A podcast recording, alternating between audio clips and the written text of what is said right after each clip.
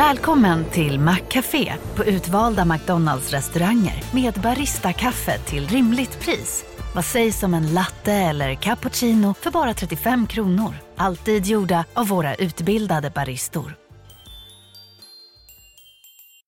Hej, Susanne Axel här. När du gör som jag och listar dig på en av Krys vårdcentraler får du en fast läkarkontakt som kan din sjukdomshistoria. Du får träffa erfarna specialister, tillgång till lättakuten och så kan du chatta med vårdpersonalen. Så gör ditt viktigaste val idag, lista dig hos Kry.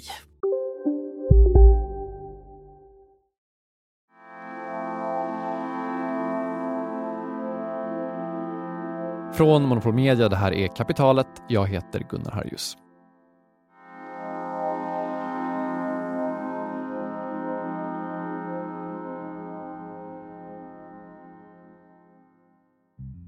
Yeah, um, so I'm John. I'm an economist. My day job is I work in regulation in the UK, but I spend a lot of time, uh, a lot of my free time on Twitter talking about uh, economics, politics, political economy, and so on.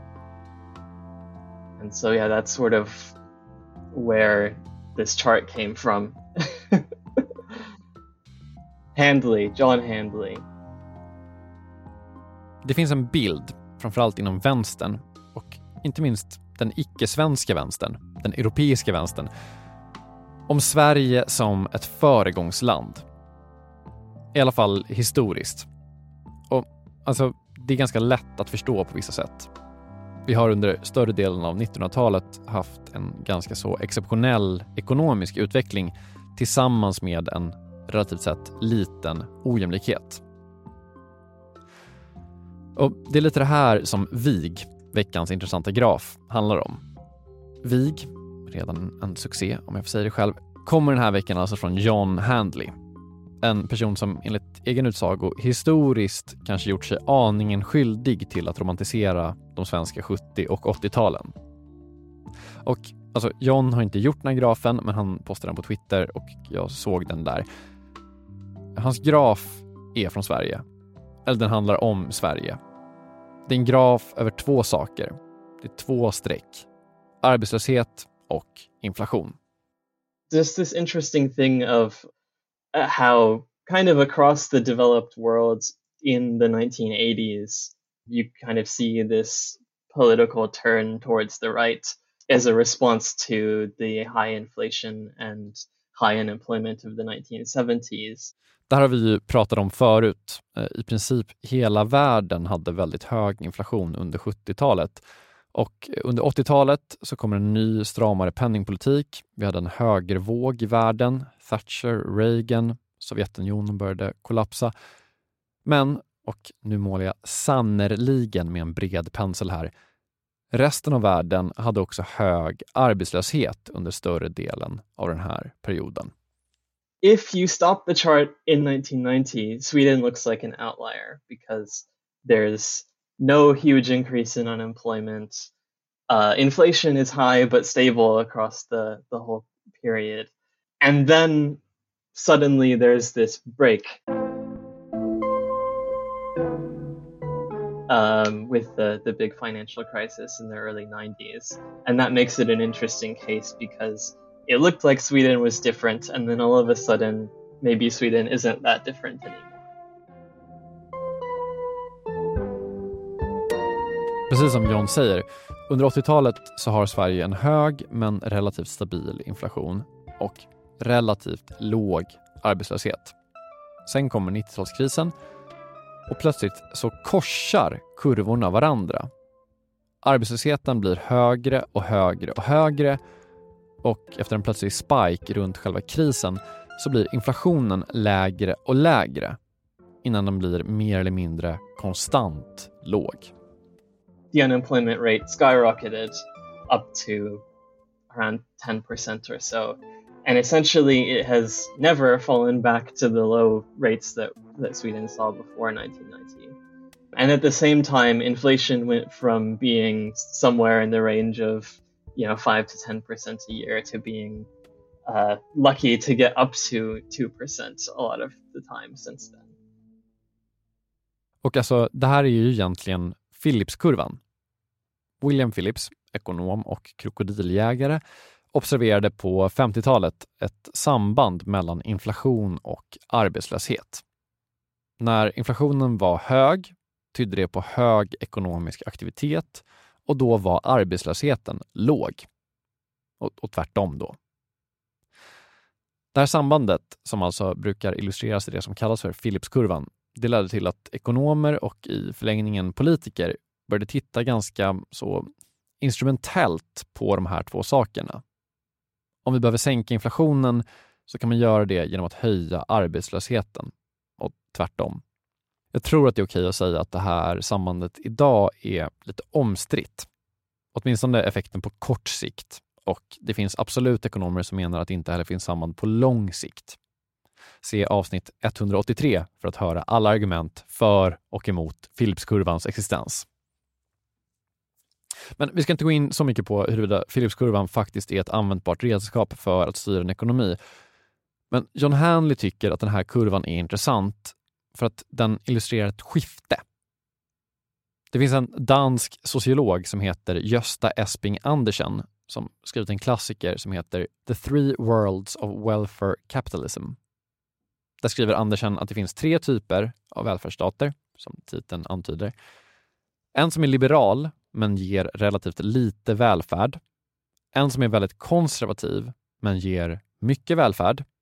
Vi kan kalla den för Tyskland och en som har social rörlighet, ger mycket välfärd och är relativt sett liberalt sinnad.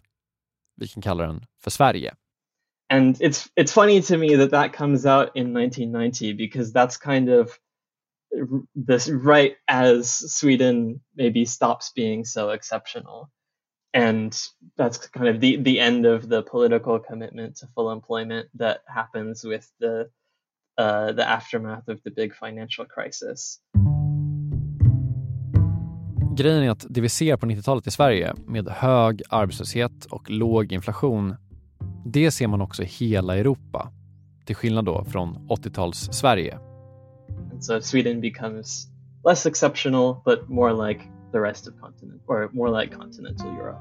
Right. So our sort of path from a third way to just being one of like Germany B is, is what's shown in this graph according to you. Yeah, I, I think that's kind of the, the big thing that I take away from it. Jag menar, man kan ju se på det här på massa olika sätt. Det finns såklart olika politiska, inte minst, förstoringsglas som man kan använda för att titta på det här. Man kan säga att det är åtstramning att vi har övergett mål med full sysselsättning. Men man kan också säga att vi hade en finanskris, att världen blev annorlunda och att allt det här var nödvändigt. Men nu, kan jag glädja alla med tror jag, så har kurvan vänt igen. Vi har högre inflation än vi har arbetslöshet. Kanske inte exakt av de anledningar som vi hade hoppats på.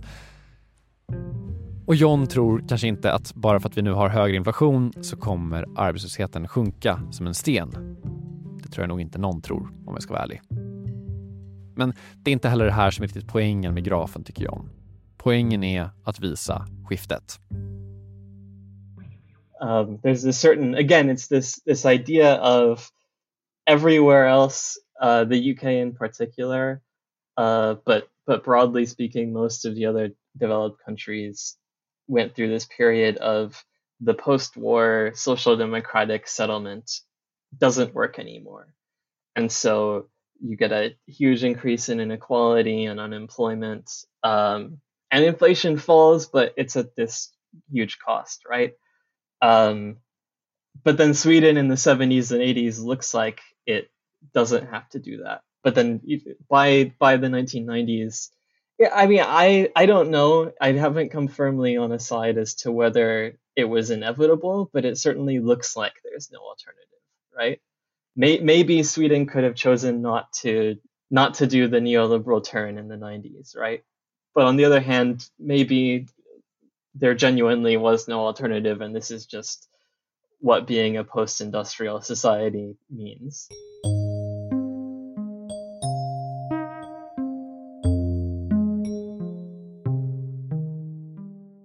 Kan följa John Handley på Twitter. Där heter han JW Handley. D-L-E-Y 17. Har ni en graf som ni tycker är intressant? Kanske sitter ni just nu och tänker jag har en intressantare graf än det där. Skicka den då till mig. Gunnar at monopolmedia.se. Märk mejlet VIG. Skoja, ni kan döpa det hur ni vill. Kapitalet är tillbaka på måndag. Då ska vi prata om nästan alla som lyssnar på den här podden. Vi hörs då.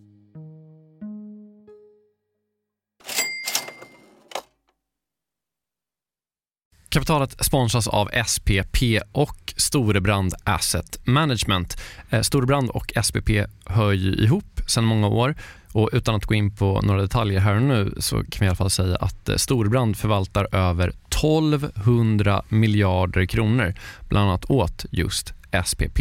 Och du har ju träffat Storebrand, Jakob, och pratat om eh, Kina Ja, eh, vi, vi pratar i alla fall om hur Kina blivit en sån otroligt viktig del i omställningen av energisystemet. Eh, över 70 procent av värdekedjorna inom vind och solkraft kontrolleras av Kina, vilket mm. är otroligt när man tänker på det. Ja. Och Det handlar om att Kina väldigt tidigt insåg att energi är makt och att man genom sol och vindkraft kan göra sig typ fri från att importera olja och gas och sånt. Then if you think that tomorrow or today's you know power base is going to in a large part be about renewables, then obviously having a stranglehold on those renewables and all the technologies that go into it is going to be part and parcel of that power play.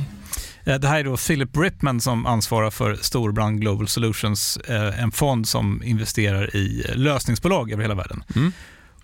Och hela det här avsnittet om Kina och geopolitiken som nu liksom är invävd i den globala omställningen, eh, den släpper vi som en bonus här i kapitalet nu i veckan.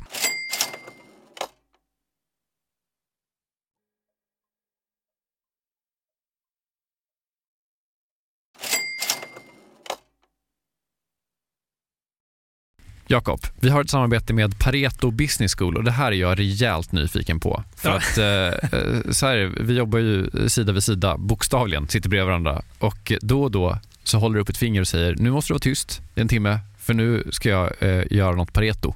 Exakt. Ah. Jag gillar ju att lära mig nya saker, det gör ju många journalister.